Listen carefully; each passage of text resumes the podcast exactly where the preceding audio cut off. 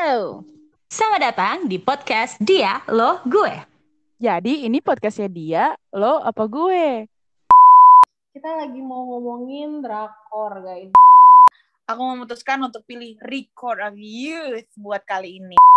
Jadi tuh kayak mereka berpikiran kalau uh, pekerjaan untuk anak perempuan harusnya ini, ini, ini gitu.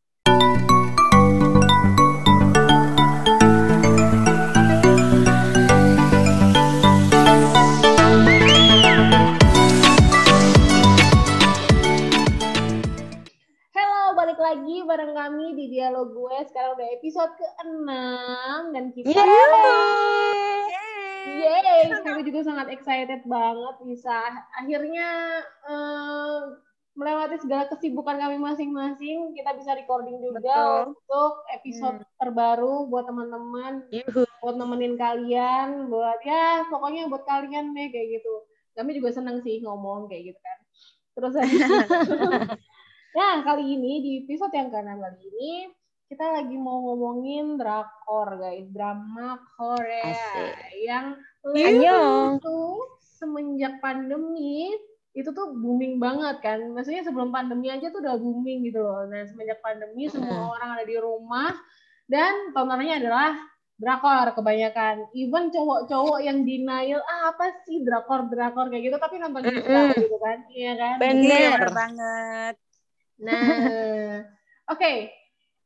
Kami ini pengen banget ngebahas drakor eh, pilihan kami masing-masing. Nah, kali ini eh, kita mau ngebahas drakor pilihannya Safety, guys. Ya. Oke. Right. Sef, drakor yang kamu pilih ini judulnya apa, Sef? Um, jadi aku uh, waktu 2020 kemarin ya teman-teman guys gitu. Uh, di akhir tahun tuh aku nonton Record of Youth gitu. Jadi selain eh, sebelum aku nonton Startup yang itu nge-booming banget ya apalagi uh, siapa sih namanya itu yang jadi Ji Pyong itu ganteng banget kan? Ah, sebelumnya itu aku nonton Record of Youth. Awalnya aku bingung kan kayak pilih yang mana ya Record of Youth atau Startup gitu.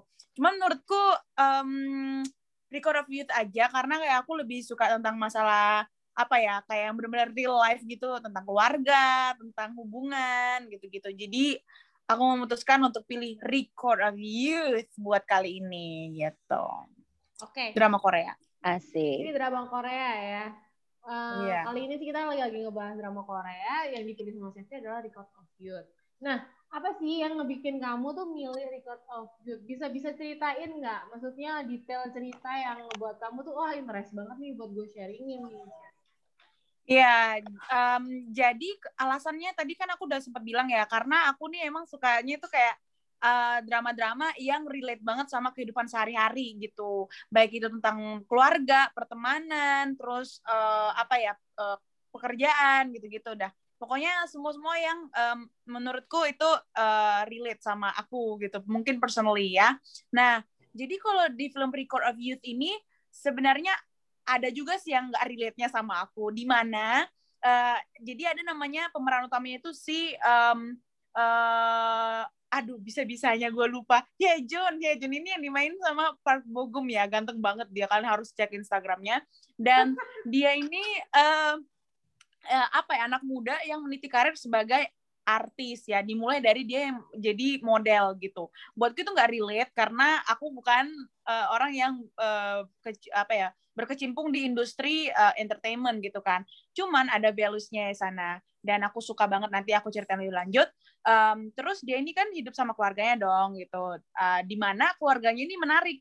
Kayak um, dia punya kakak kan, cowok juga gitu. Dan kayak kakaknya ini selalu didukung sama papahnya. Sedangkan si Hejun ini nggak didukung sama sekali gitu kan. Karena um, Hejun ini karirnya nggak apa ya nggak nggak masuk gitu loh sama bapaknya gitu Gak masuk Sedangkan nih, kalau abangnya kan- nggak masuk nih?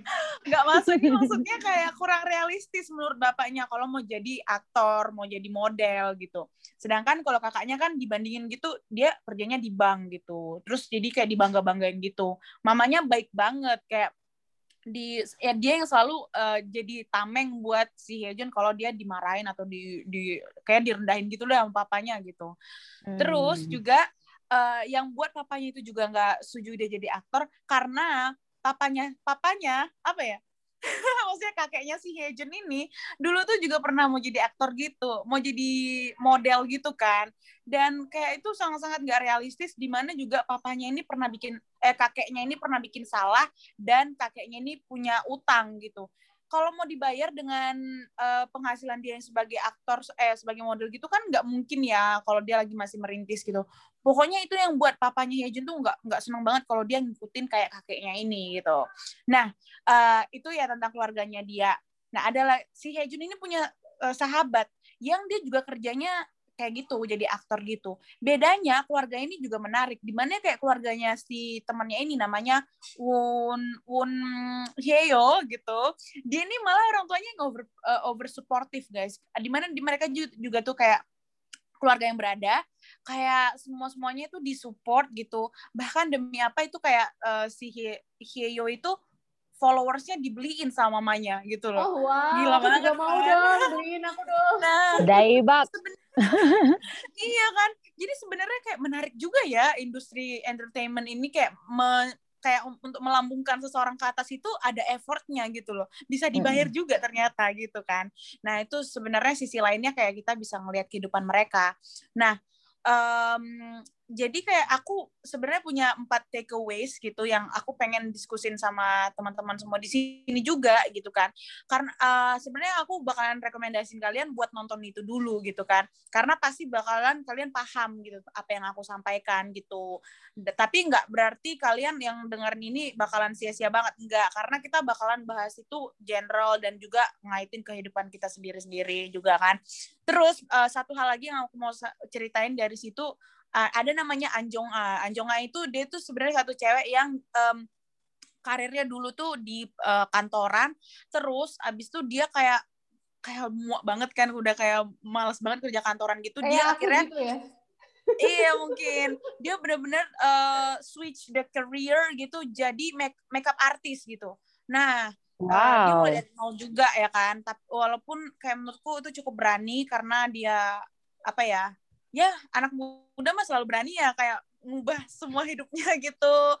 Uh, cukup berani dan ak- akhirnya dia kayak ketemu lah sama si itu siapa namanya? Si Hyejun nah mulailah kehidupan asmaranya di situ menarik sebenarnya dan aku rasa itu worth to have gitu tapi at the end itu kayak ngegantung gitu nggak dijelasin sih mereka jadi apa enggak kayak gitu ya teman-teman right Jadi, Jadi- apakah aku apakah aku harus jadi makeup artist dulu supaya bisa pacaran sama artis? Bisa jadi kan? bisa jadi Dicobain. jadi ada circle-nya gitu kak jadi aku jadi makeup artist di Korea ya jadi sih gimana ya? Masuk, masuk. Aduh. alright Oke, jadi em, gini deh, karena aku yang nonton itu, jadi aku mau eh, munculin beberapa highlightnya di situ kan. Kayak pertama ya, eh, aku suka banget tentang keluarga gitu, karena kayak aku belajar banyak kalau di nonton drama Korea itu tentang kehidupan keluarganya gitu. Nah, kayak tadi aku udah jelasin kan, keluarganya si Hyejun tuh kontras banget sama keluarganya Hyeyo. Kayak si Hyejun tuh kayak kurang support gitu loh dari orang tuanya. Malah menurutku yang buat dia makin tough itu kayak keluarganya sering ngomong yang nggak baik buat dia atau kayak nggak nggak ngedukung lah gitu. Eh, spes- eh, especially bapaknya ya. Kalau mamanya tuh selalu ngebelain kayak maksudnya ya kamu semangat ya nak gitu-gitu. Bedanya sama Hyeyo itu keluarganya over eh, supportive. Nah, mungkin pertanyaan pertamaku adalah keluarga seperti apakah yang kita miliki saat ini? Jeng, jeng, jeng. Iya, jadi kayak kayak kuis apa aku gitu. rasa ini pasti uh, relate ya buat kita. Kita juga pasti punya tipe keluarga masing-masing gitu kan. Nggak semuanya sama kita bertiga kan. Mulai dari Benar. Tin dulu deh. Aduh. Apa tipe keluarga ya? Mm-mm. Kalau tipe keluargaku itu tuh sama sih dengan yang tadi. Aduh, agak sulit namanya. Tapi itulah yang yang Hyejun, Hyejun, Hyejun. Ah, nah itu Jun Jun itulah. Nah, aku tuh emang apa ya? Kalau di keluarga, hmm, karena mungkin pemikiran orang tuaku itu masih konvensional ya guys. Jadi kayak bener-bener yang hmm, Ya, kalau misalnya kebanyakan- konservatif? Ah, itulah itu ya. Pokoknya yang yang zaman dulu lah, guys. Konservatif berarti guys, diralat guys. ah, itu guys. Makasih ya kamusku. Nah, jadi uh, apa namanya? Jadi tuh kayak mereka berpikiran kalau uh, pekerjaan untuk anak perempuan harusnya ini ini ini gitu apalagi hmm. aku nggak bisa salahin juga karena satu sisi mama dan bapakku uh, background pendidikannya juga uh, mereka kan nggak kuliah gitu ya dan mereka juga nggak hidup di zaman yang kayak persaingan aku yang persaingan kita yang sekarang lah ya guys. Dulu kayak aku kan jurusan ilmu komunikasi. Dulu mana ada yang kayak gitu. Maksudnya bener-bener yang bagi mereka itu kayak dunia digital dan segala macam itu baru. Makanya uh, orang tua aku sih jujur memang di awal-awal mereka nggak mendukung sih. Kayak mungkin karena mereka nggak ngerti arahnya ke mana gitu ya. Tapi ya puji Tuhannya seiring berjalannya waktu karena memang pelan-pelan harus dikasih tahu kayak gini loh kayak gini loh kayak gitu ya. Jadi mereka sedikit-sedikit agak kebuka pikirannya dan walaupun nggak sekarang masih kayak agak-agak masih ragu tapi udah mulai mau menerima ini sih kayak menerima pendapat gitu. Kayak gini loh mak cewek itu nggak nggak seharusnya kerjaannya kayak aku mention eh gak usah aku mention lah guys. Pokoknya kayak gitu lah ya kayak yang gajinya tetap gitu-gitu kan. Yang pekerjaannya udah jelas terus kamu bisa nabung segini-segini dalam jangka jangka waktu yang segini-segini. Orang tua kan pengennya kayak gitu kan. Karena apalagi hmm. cewek itu ibaratnya bukan yang mencari nafkah di keluarga gitu kan. Jadi orang tua aku pengen kayak gitu biar aku nggak capek-capek kerja ini itu yang sebenarnya nggak menjanjikan banyak hal kayak gitu. Ya seperti itulah guys. Hmm. ya itu masalah karirnya ya berarti hmm. selama ini menurutmu kayak kau tuh uh, apa ya um, kalau masih bisa berjuang sendiri ya berjuang aja atau yang kayak ah udah gue ikutin aja apa gimana kayak mm. oh, mereka tuh su masih support atau kayak apa ya menurutmu um, sebenarnya sebenarnya mereka tidak support, tapi aku membangkang. Mana durhaka. Wow. Jadi maksudnya bukan membangkang dalam hal yang gimana ya, tapi kayak um, aku berpikir kayak, aduh kayaknya ini sebentar lagi ada pesawat lewat ya guys. Nah, dikit aja. Soalnya saya emang lagi di, kalau kemarin itu di Zimbabwe, sekarang lagi di Eropa Tengah. Nggak ada. Oh gitu sih ya. Oke, okay, jadi. New York ya? Yuhu.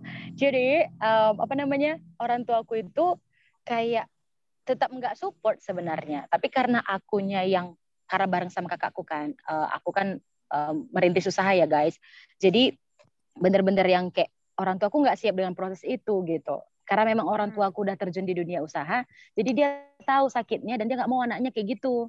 Karena nggak ada hmm. yang tadi nggak stabil dan segala macam gitu-gitu kan. Jadi aku akhirnya kayak dalam tanda kutip ya karena emang passionnya di situ ya aku tetap lakuin dan ya tadi kayak yang aku bilang pelan-pelan orang tuaku udah mulai mengerti kalau ya kalau anaknya pengen itu ya gimana toh juga yang lakukan hal yang baik kan kayak gitu sih. Waduh, right, very interesting. Yuhu. Gimana kalau Kak Maya? Gue uh, sama sih sama kayak Tin ya sebenarnya. orang tua gue juga masih konservatif orangnya sampai entah sampai umur berapa ya gue ya tetap di ada CPNS tuh coba didaftar kayak gitu kayak oh, oh iya iya Kak Mai udah mention oh iya. Lol. Oke. Oke oke baik. like that gitu. Something like hmm. ya kan kata orang kan CPNS ada eh CPNS lagi. Ya, pokoknya PNS itu kan ada apa namanya semacam tunjangan-tunjangannya kata orang kata orang kerjanya nyantai kan. Terus mm uh, apa ya tapi aku tuh tipe yang nggak bisa ini apa namanya nggak bisa pakai seragam gitu. Terus I don't know it's just like it's not my style it's not me kayak gitu aku tipe orang yang kayak ya apa ya uh, karir yang aku suka tuh ya dulu waktu kelas kelas 6 SD pengen jadi atlet bulu tangkis gitu tapi nggak dibolehin hmm. ya tipe-tipe yang orang olahraga dan orang seni gitu loh lebih ke situ sih hmm. tapi tapi yeah, yeah. dia nggak didukung gitu. jadi something like oke okay, menarik ya Yeah. Ya. Uh, berarti kalau jurusan yang kakak kemarin ambil itu yang sesuai keinginan kakak apa enggak nih? Eh, ya, maksudnya yang memang keinginan orang tua apa gimana? Eh uh, apa ya? Wah, kalau kalau harus ceritain soal kenapa ngambil jurusan, kan jurusan yang gue ambil di di kuliah itu kan akuntansi ya. Kalau mau ngomongin latar belakang kenapa ngambil itu tuh ini ya ribet ya nanti ya. Tapi ya singkat ceritanya kayak gini. Gue tuh pengen sebenarnya komunikasi guys. Komunikasi. Oh gitu. Oh my god. Wow, wow, wow, wow, wow. Eh Baiklah. demi apa ini bertiga berarti dulunya memang pengen coba ilkom, tapi yang Iya. keterima cuma satu ya, cuma Iya. Tin ya. Akhirnya kita buat podcast ya, guys.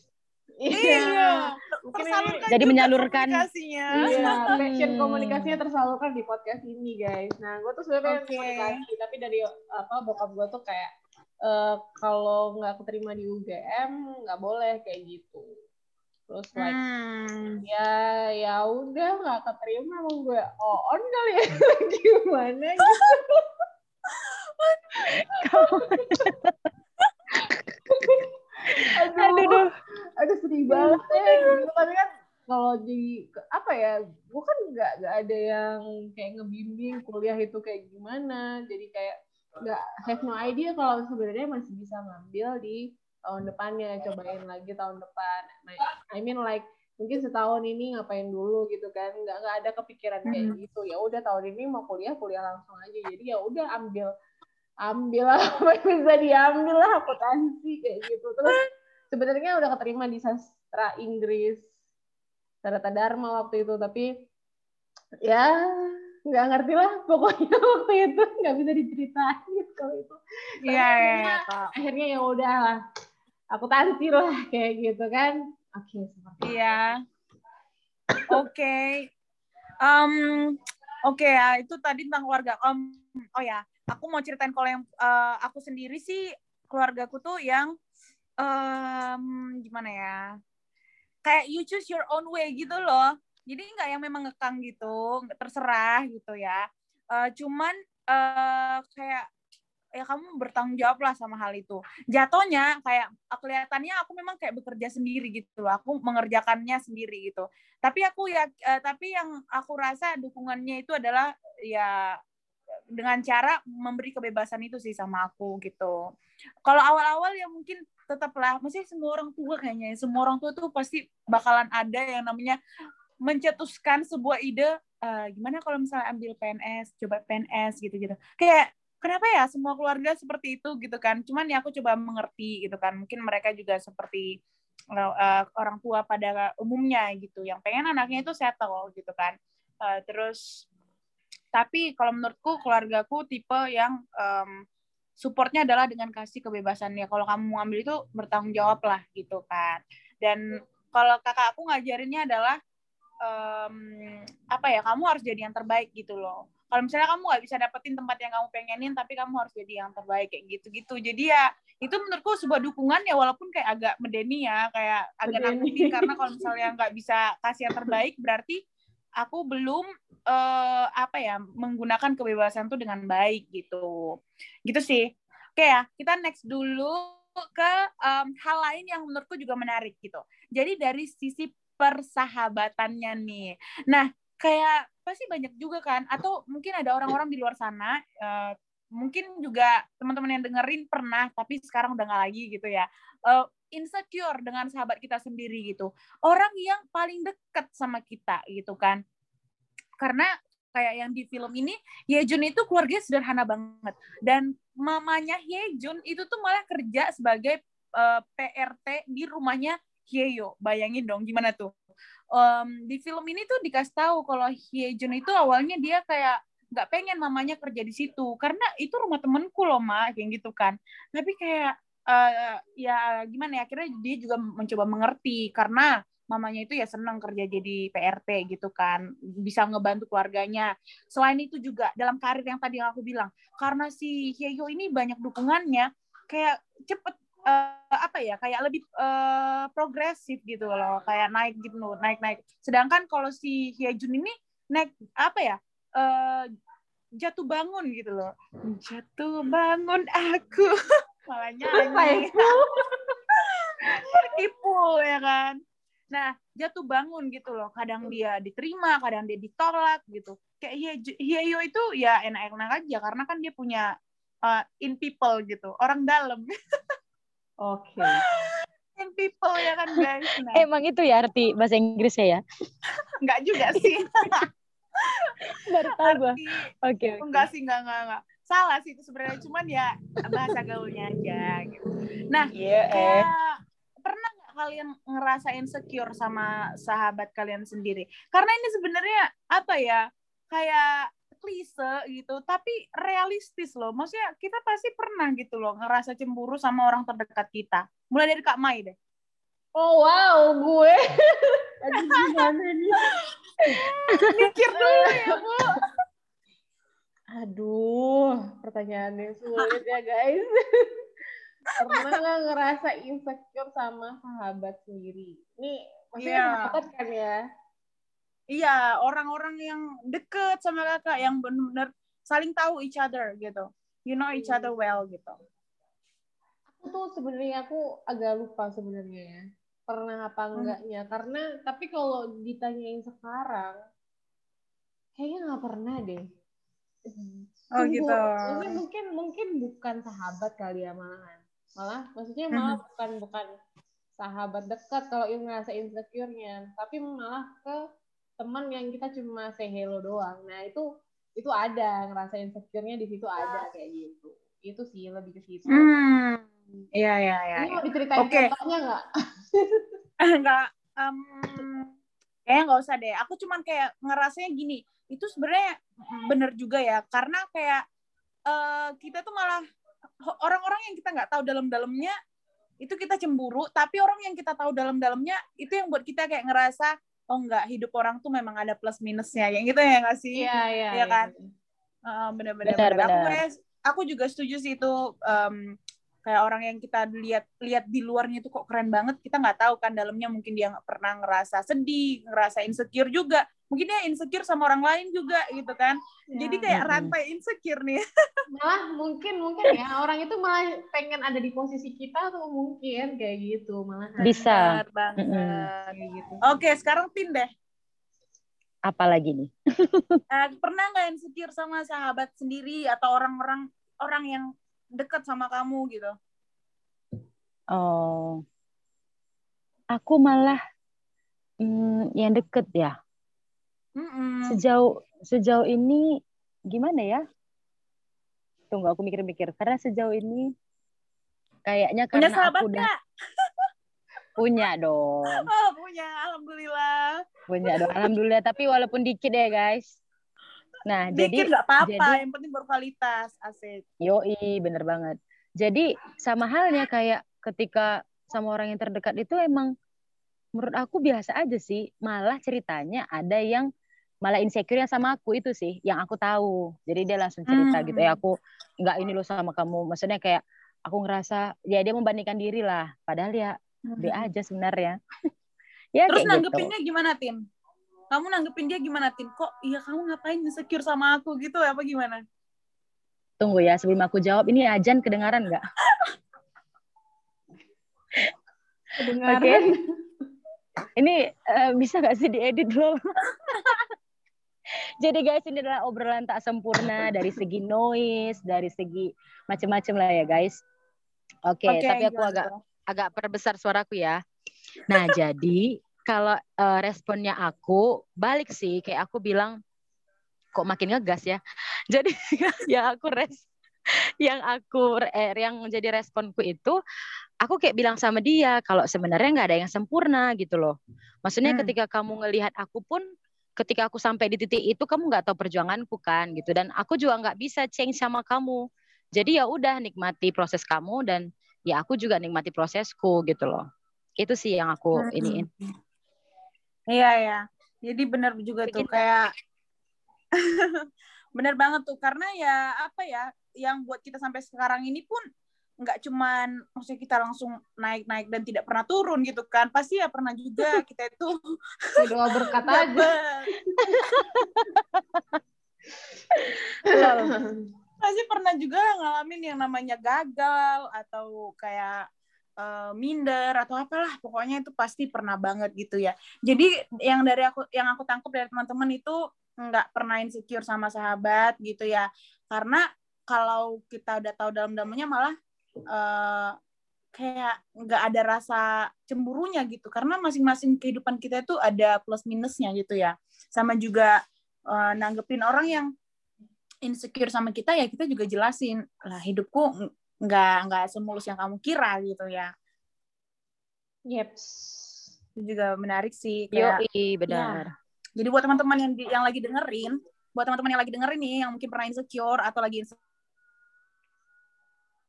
jadi intinya teman eh, yang aku tangkap ya dari teman-teman di sini tuh ngerasanya kalau kita makin kenal itu harusnya kita nggak usah insecure ya gitu Eh, karena kayak kita tahu dalam-dalamnya gimana gitu kan ya Eh, dan eh, apa eh, untuk orang-orang yang juga insecure sama kita ya itu kita harus menjelasin kalau hidup kita juga nggak se semulus itu gitu kan ya.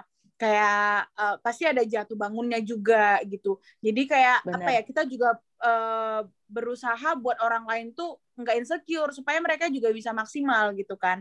Eh, dan apa ya kayak Hyejun ini menurutku eh, tipe orang yang apa ya dia tuh kayak apa pun yang lu bilang sama gua apa pun kejatuhan gua ya udah gua nggak apa-apa gua nggak bakalan eh, patah semangat kayak gitu. Dan eh, menurutku eh, semangat yang seperti ini tuh harusnya di apa ya harus kita miliki sebagai anak muda gitu kan. Um, is agak klise ya cuman maksudku memang itu hal yang buatku kayak merasa eh, di masa muda itulah kamu ditempa gitu kan supaya, supaya makin dewasa gitu. Kayak apa pun yang terjadi kamu will be fine gitu loh. Karena kita apa pun yang terjadi sama kita pada akhirnya kita akan baik-baik aja. Jadi em, di apa ya embrace your uh, feeling kayak uh, accept your failure gitu. Tapi berikutnya harus tetap bangkit kayak gitu deh. Oke terus ya hal Setuju. ketiga yang menurutku aku suka dari film ini adalah nah dari sisi karir gitu ya Em, seperti yang tadi aku udah bilang kayak Hyejun ini kan memang orangnya tough banget ya. Dia ini pekerja keras dan menurutku berintegritas. Berintegritasnya itu maksudnya gini juga eh, ada beberapa kali berapa scene gitu ya yang ngejelasin kalau dia tuh misalnya pernah ditawarin eh, apa em, apa tuh namanya kayak main eh, film eh bukan ya jadi apa ya pokoknya intinya itu dia tuh nggak mau pakai orang dalam gitu loh. Karena ada satu eh, produser atau dia tuh pokoknya yang inilah orang penting lah di dalam eh, modeling itu dia tuh ngasih tawaran job gitu tapi kayak kamu harus jadi pacarku gitu. Padahal dia ini gay si produsernya ini gay gitu loh. Ini kayak gimana sih kalau dia mau cari ketenaran gitu kan? Pasti dia kayak udah hilang integritas aja gitu kan. Dia kayak Ah. namanya pakai in people iya. Terus dia juga menjual diri bahasanya apa ya? Kayak me apa, rela untuk pacaran sama orang gay juga. Iya gitu kan. Kayak apa banget sih gitu. Nah menurut Hmm. kalian em, apa tantangan terbesar di pekerjaan kalian saat ini yang itu akan mempengaruhi integritas kalian? Sebenarnya integritas itu agak luas ya. Jadi kalau aku ngejelasinnya integritas itu bisa kayak tentang kejujuran kayak kamu gimana mengerjakan sesuatu dengan yang se- sebaikmu gitu loh. Maksudnya kayak kamu memberikan hal yang terbaikmu gitu. I- kita mungkin lebih apa ya eh, nanti kalian bisa jelasin sendiri arti integritas buat kalian apa. Terus tantangan kalian yang buat kalian nggak bisa berintegritas di kerjaan itu apa? Ya mulai dari Tin. Asem lu gua mikir cuy. udah tahu gue lu mikir. Kak Maya juga mikir sebenarnya. Iya makanya itu lihat dia. Ah, jadi kalau nah kerjaanku itu dalam usaha ya. ya Kalau misalnya dibilang integritas, em, gimana ya? Mungkin lebih ke ini sih aku. Se, ini kayaknya dikat deh guys. Gue mikir serius. Kak Mai dulu napa? Atau lu lu cintain dulu coy. Septi lu agak asasi lempar aja ya ayam. loh kan gue yang punya cerita gue yang ngelit gitu loh Oh, awas lu ya. Sek, gue mikir. Kak Mai udah dapat nggak jawabannya? Aduh, apa ya? Kalau ngomongin soal integritas di gue tuh agak berat soalnya karena berhubungan sama profesi ya. Jadi tuh Iya. paham nggak sih? Karena aku ngebawa profesi, jadi itu kan yang apa ya? yang kena tuh bakal banyak orang gitu. Iya sih. Tapi maksudnya Mm-mm. kalau Kak Maya sendiri deh, misalnya dapat tugas gitu, dan tugas ini memang nggak nggak ada kaitannya sama orang lain gitu loh. Jadi nggak nggak bakal membuka kartu orang lain gitu. Kak Maya sendiri ngerasa apa tantangan terbesar gitu ya di kerjaan Kak Maya eh, untuk Kak Maya sendiri yang buat integritas tuh kayak aduh goyah nih gitu. Mungkin, oh Mungkin ya, lebih- oke. Berarti lebih ke Ah. ini aja deh. Mungkin lebih ke prinsip aja kali ya. Prinsip, iya benar. Mm-mm. Jadi prinsip gua kan eh intinya tuh finish finishing well gitu. Intinya ya kerjakan itu tuh apa ya pokoknya selesaikan pekerjaan dengan pokoknya sebaik mungkin gitu loh lakukan yang terbaik gitu loh even though even though hmm, mungkin situasi itu tuh tidak seakan-akan tuh tidak berpihak sama kamu gitu loh nah tapi ya yang aku alamin sih lately ya. Ini sih yang aku alamin lately ya. Dulu dulu sih nggak gini-gini amat. Eh yang aku alamin lately itu rasanya ngebuat aku tuh pengen ya udahlah lo nggak usah bayar gue aja deh gue pergi aja gitu. Gitu maksudnya aduh soalnya gue bener-bener udah pengen give up banget gitu. Itu keadaan gue sekarang ini sih kayak gitu. Jadi itu benar-benar yang aku iniin sih lebih kayak ngelawan perasaannya ngelawan perasaannya. Perasaan pengen eh, buru-buru escaping. Tapi ya apa ya berat banget sih menurut aku ya. Kayak nggak mudah sih. Sumpah nggak mudah. Oh, tapi berarti Kak Maya sekarang kayak masih jalanin kontrak gitu kan ya. Terus kayak nggak mungkin kan tiba-tiba quit the job gitu karena cuma ngikutin perasaan Kak Maya yang mungkin udah mulai apa ya exhausted Uh, apa ya life uh, work life-nya nggak balance lagi gitu-gitu ya. hmm, mungkin bukan soal kontraknya ya. Karena eh, kalau sesuai kontrak sih udah nggak ada kontrak sebenarnya Oh Cuman- gitu ya. cuman lebih kayak situasi aja sih. Maksudnya kayak keadaannya kok like I've done everything yang yang aku aku rasa tuh udah kayak udah gini loh. I've done extra miles but but the result eh, itu tuh nggak pro sama aku gitu loh. Hasilnya tuh tuh nggak berpihak sama aku gitu loh. Like hasilnya nggak sesuai dengan apa yang aku ekspektasikan. Padahal sebenarnya hasilnya tuh ekspektasi aku tuh terumus banget. Maksudnya predictable lah intinya. Itu tuh Iya. ekspektasi aku tuh predictable. Tapi kok maksudnya kayak untuk me- mencapai ekspektasi yang predictable ini kok sulit banget ya? Gitu sih. Lebih Hmm. kok gak capek-capek sih? Jadi kayak frustasi gitu loh. Jadi kayak ah I don't know I don't know what to do kayak gitu Iya, paham, paham, paham. Apalagi namanya kalau kerja dalam tim ya, Kak. Kayak kita tuh udah ada workflow-nya, tapi kalau mandat di tempat yang lain tuh rasanya gimana gitu ya. wah itu rasanya pengen ngebunuh orang Wadaw. aduh Oke. gitu rasanya nanti kan tidak boleh dilakukan ya Bunuh Iya, nyamuk oke, aja, Kak. siap lah. Oke, sekarang tim udah bisa mikir kan ini ya? Udah kan Udah, mikirnya? udah. Udah, udah, udah, udah bisa gue mikir. Apa itu? Aku ya. Nah, kalau aku sebenarnya lebih ke ini sih, prinsip untuk tetap berjuang di tengah Mhm. keadaan situasi orang-orang yang kayak yang kau bilang di awal tidak suportif gitu. Jadi itu perjuangan dan tangan- tantangan yang paling berat-berat-berat. Karena aku ngerasa kayak waktu ngelangkah itu jujur itu penyemangat walaupun dia bilang aku yakin kamu bisa atau bebas deh terserah dia ngomong apa tapi kayak itu menyemangati. Walaupun tuh nggak dari hatinya kayak sekedar ucapan atau segala macam lah dalam bentuk perhatian dia menurutku itu bener-bener kayak nyegarin sih. Dia daripada ini siapa ya? siapa pun siapa pun. Oh, siapa? Aku pikir ada specific person-nya gitu. iya Em, anak ayam ya Ya makanya Enggak kan jelasin siapa pun. Nah itu kan aku bilang siapa pun. Jadi kayak even itu dari keluar keluarga apa inti atau misalnya dari teman-teman atau orang yang baru mungkin entah siapa lah gitu kan. Jadi kayak Orang baru aku ini siapa ya? ketika eh, aku lanjutin ketika usaha jadi kayak ketika kita bisnis ya guys kita kita bangun usaha apalagi dari nol itu benar-benar nggak mudah. Karena kita yang buat strukturnya kita yang buat alurnya gimana kita yang bakalan tahu gimana goalnya dan segala macam gitu gitu kan. Jatuh bangunnya kayak benar-benar kita yang ngalamin. Jadi benar-benar butuh banget eh, support dari orang lain gitu kan dan tantangan terberat itu di saat ibarat kayak gini lah kondisi yang kayak aku bilang corona kayak gini. Itu tantangan juga buat aku. Gimana mikir ah, usaha yang masih bisa dinikmati banyak orang ibaratnya bisa dibeli kan. Dan Mhm. itu um, relevan dengan situasi yang saat ini. Karena emang uh, usaha ini kita perlu kayak apa ya jatuh bangunnya itu benar-benar bela- belajar banyak hal gitu. Oh berarti di sini Iya. nggak sesuai. Oh yang ini sesuai. Ini coba lagi. Dan itu nggak nggak bisa pokoknya nggak habis-habisnya belajar.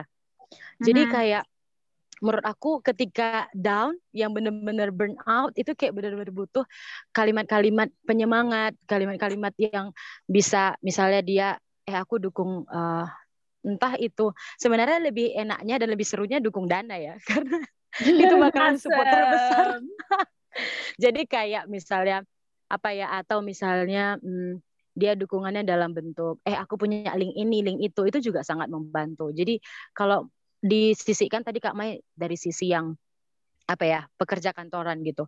Kalau di sisi aku ya kayak gitu tantangan terbesarnya itu ketika ngelihat situasi seperti ini, terus habis itu tidak adanya dukungan dari orang-orang terdekat, misalnya itu benar-benar ngebuat kayak kita berjuang sendiri, tapi kayak ya kayak gitu, kayak benar-benar yang harus ngelangkah walaupun berat gitu. Nah prinsip Iya, itu iya. yang harus dipegang. Jadi kayak benar-benar ini usaha harus maju kan, yang buat maju siapa? Nggak orang lain, tapi kita sendiri yang punya usaha itu gitu. Jadi biar Wow. orang baru tolong ya semangatin Din. Eh, orang baru siapa pun itu Iya. masih dibuka eh ya Oke guys, jadi ya apa ya menarik juga sih kayak ada perbedaannya ya kalau Kak Maya yang kerja kantoran, aku juga kantoran sih sama Tin, dia yang buka usaha. Kayak menurutku integritas em, saat buka usaha itu penting banget sih emang. Kayak gimana kita tetap tough ya Tin itu juga walaupun gak ada dukungan gitu, tapi dia harus tetap eh, teguh sama pendiriannya gitu gitu ya. Kalau aku paling gini sih simple banget kayak aku kan WFH ya sekarang. Itu integritas semua orang yang bekerja di apa ya di rumah itu teruji gitu. Working from home gitu ya. Pasti bakalan relate banget nih orang-orang yang WFH ya. Mungkin kalau ada dua tipe ya ada tipe orang yang kayak gini. Ini teman aku sendiri yang cerita. Eh, semisal nih ya em, hari Senin bakal ada briefing tiap pagi gitu. Jadi dia briefingnya dia bangun ikut dia briefing pagi. Tapi nanti sepanjang hari sampai siang gitu tidur dia.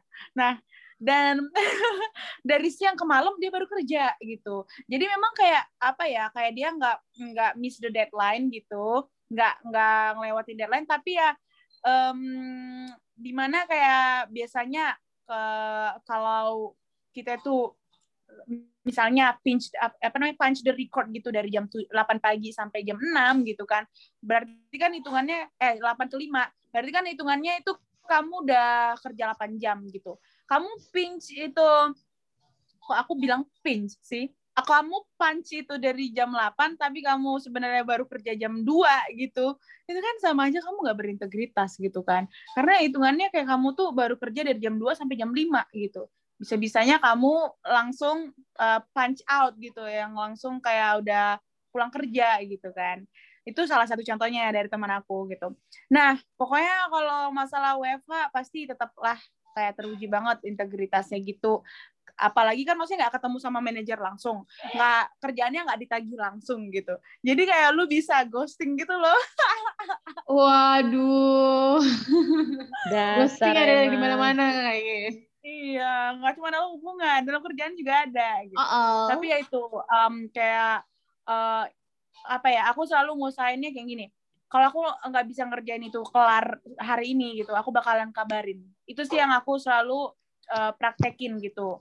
Eh, karena memang itu juga yang diajarin sama manajerku. Manajerku kayak dia cukup baik sama aku em, jadi kayak etikanya seperti itu. Kamu yang penting komunikasinya di eh, jalan gitu loh. Walaupun kamu WFH dari sana gitu uh, apa pun yang kamu butuhkan, apa pun yang kamu uh, apa hadapi tantangan apa gimana kasih tahu kayak gitu sih. Oke, menarik ya ini masalah tentang ke kerjaan tadi. Oke, aku cuma punya satu poin terakhir ini ya yang aku udah uh, highlight gitu ya. Nah, dari sisi percintaannya dong. Kayak kayaknya ini nggak boleh ketinggalan nih ya dalam kehidupan kita. nah, menurut kalian ya, um, kan kayak aku ngerasa gini.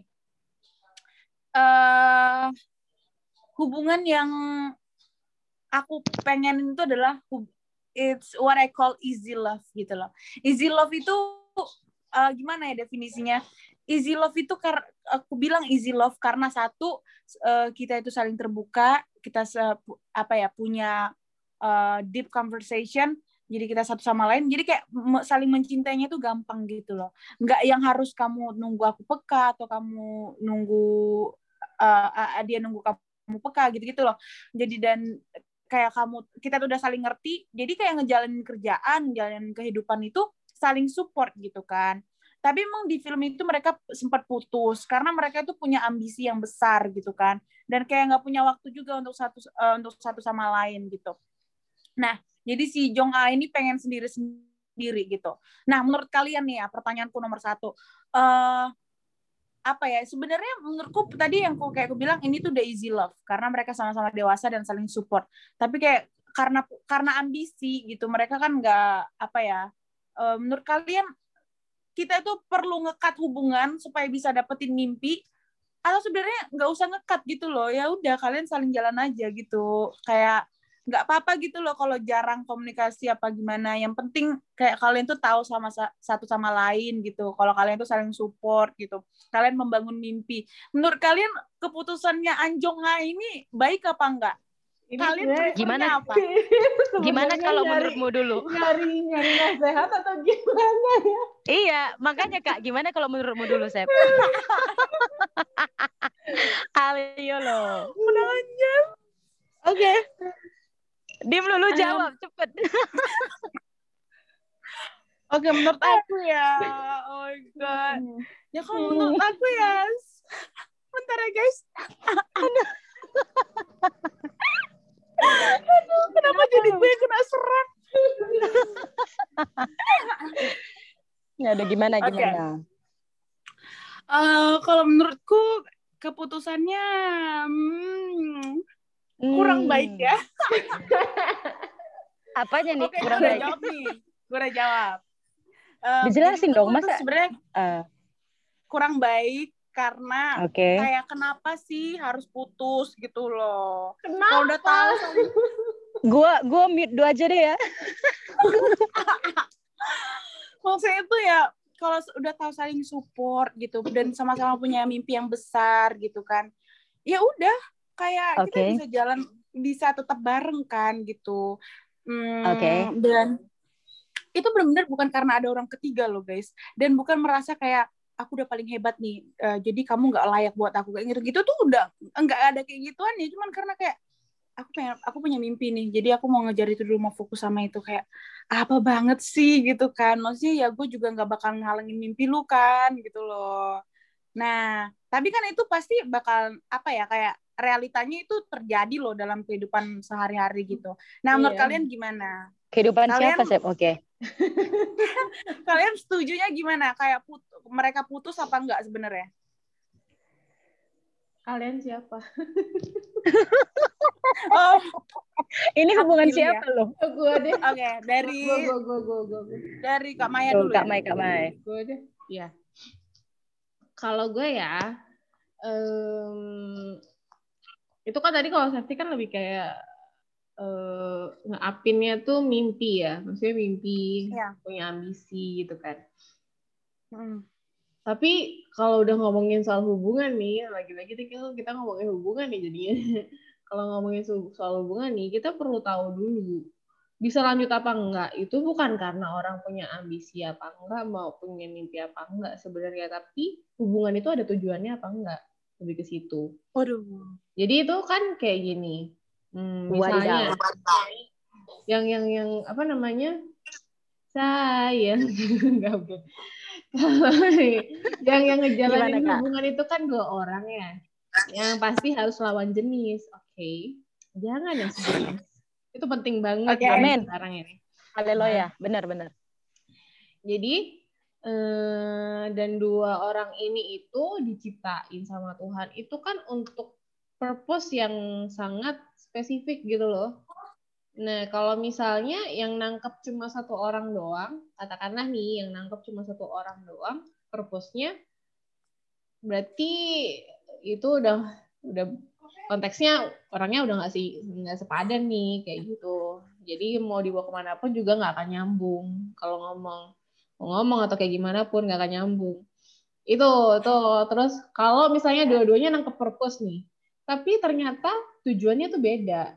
Jadi lebih baik nggak usah gitu. Kalau makanya kan tadi aku kan lebih ke tujuannya dulu kayak gitu. Jadi kalau Eh, misalnya bentar kak, bentar kak. Sorry aku potong ya. Sorry aku potong. Hmm, Eh, tapi menariknya ya kak, si Anjonga ini kan makeup artis. Terus si eh, Hejun ini tuh artisnya gitu lah ya kita bilang hmm. Eh, sampai dia juga sempat dapat penghargaan gitu-gitu. Mereka Hmm. itu bener-bener kayak apa ya kak? Eh, relationship goal banget karena mereka mengerjakan di bidang yang sama gitu di satu frame yang lah ya sama. maksudmu. Oh, oh, oh, oh. Jadi nggak, aku nggak nggak tahu ya kenapa mereka bisa putus gitu loh. Maksudnya kayak nggak masuk akal juga sih. Kenapa sih kalian harus putus, woi? Kenapa, woi? Gitu loh. Coba aja tanyain. nggak putus gitu.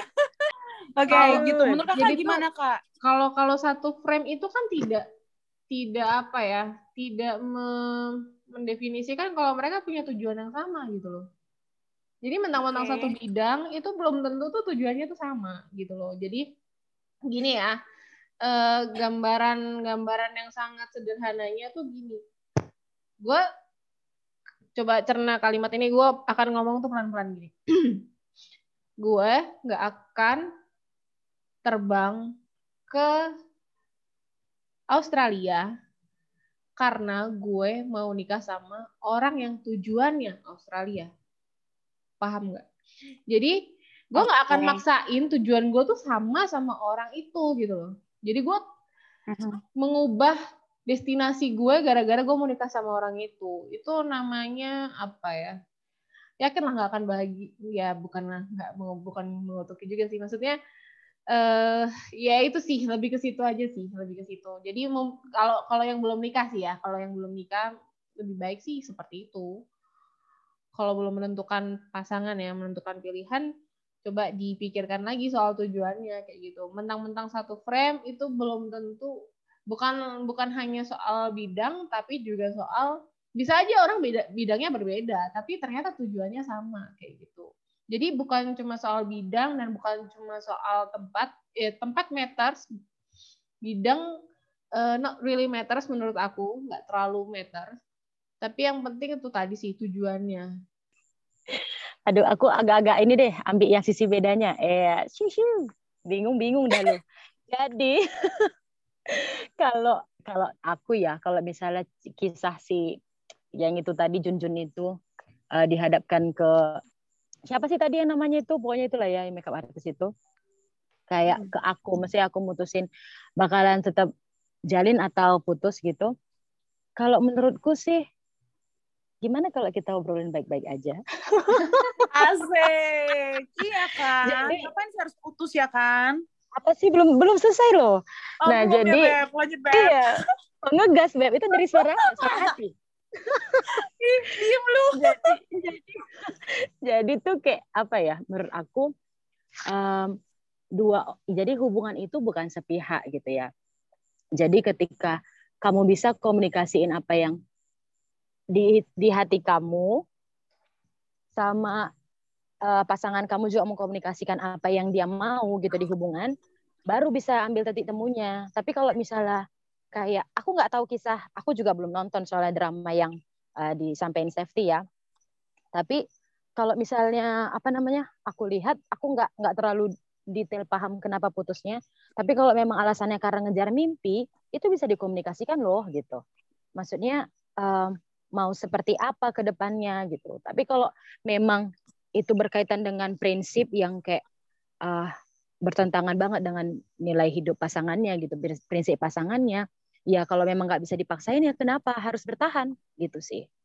Jadi kayak lebih ke diobrolin baik-baik dan ketika nggak ada jalan titik temu gitu ya udah nggak usah dijalanin. Karena jalannya kan bakalan misah gitu. Memang tetap berdua tapi nggak arah yang sama sama kayak yang Kak Mai bilang tujuannya udah beda jadi kalau emang di hubungan tuh cuma satu aja ya nggak hubungan dong namanya gitu sih Namanya apa? namanya hibingin hibingin aja hibingin karena tunggal ya seperti itu Oke. Ja- apa ya? Cuman kayak menurutku memang gini sih. um, uh, kalau memang udah nggak sejalan itu, ya itu memang kayak kita juga nggak bisa maksain orang untuk stay sama kita kan. Uh, yang Ah, aku oke. suka juga dari cowok ini, dari si Heijun itu kayak di, di titik di mana uh, dia nggak- udah dia ini itu sih sama apa namanya sama kayak yang Tin bilang dia juga usahain untuk ngomongin gitu kan tapi Hejunnya mena- eh, si Anjonga ini menarik diri gitu kan ya sebagai Hejun nggak mungkin dong dia eh, harus maksa-maksa si Anjonga "Ka- eh, kamu harus tetap stay sama aku. Kamu pacar aku itu gitu kan nggak nggak lebih nggak logis kan gitu. Jadi ya eh apa ya kayak itu tadi juga aku bilang kayak love should be easy gitu kan. Jadi bukan karena kamu terpaksa untuk kamu stay sama orang gitu kan. Tapi memang karena kamu mau jalan sama-sama dengan dia. Kar- karena kamu pengen eh, raih em, tujuan kalian sama-sama kayak gitu sih.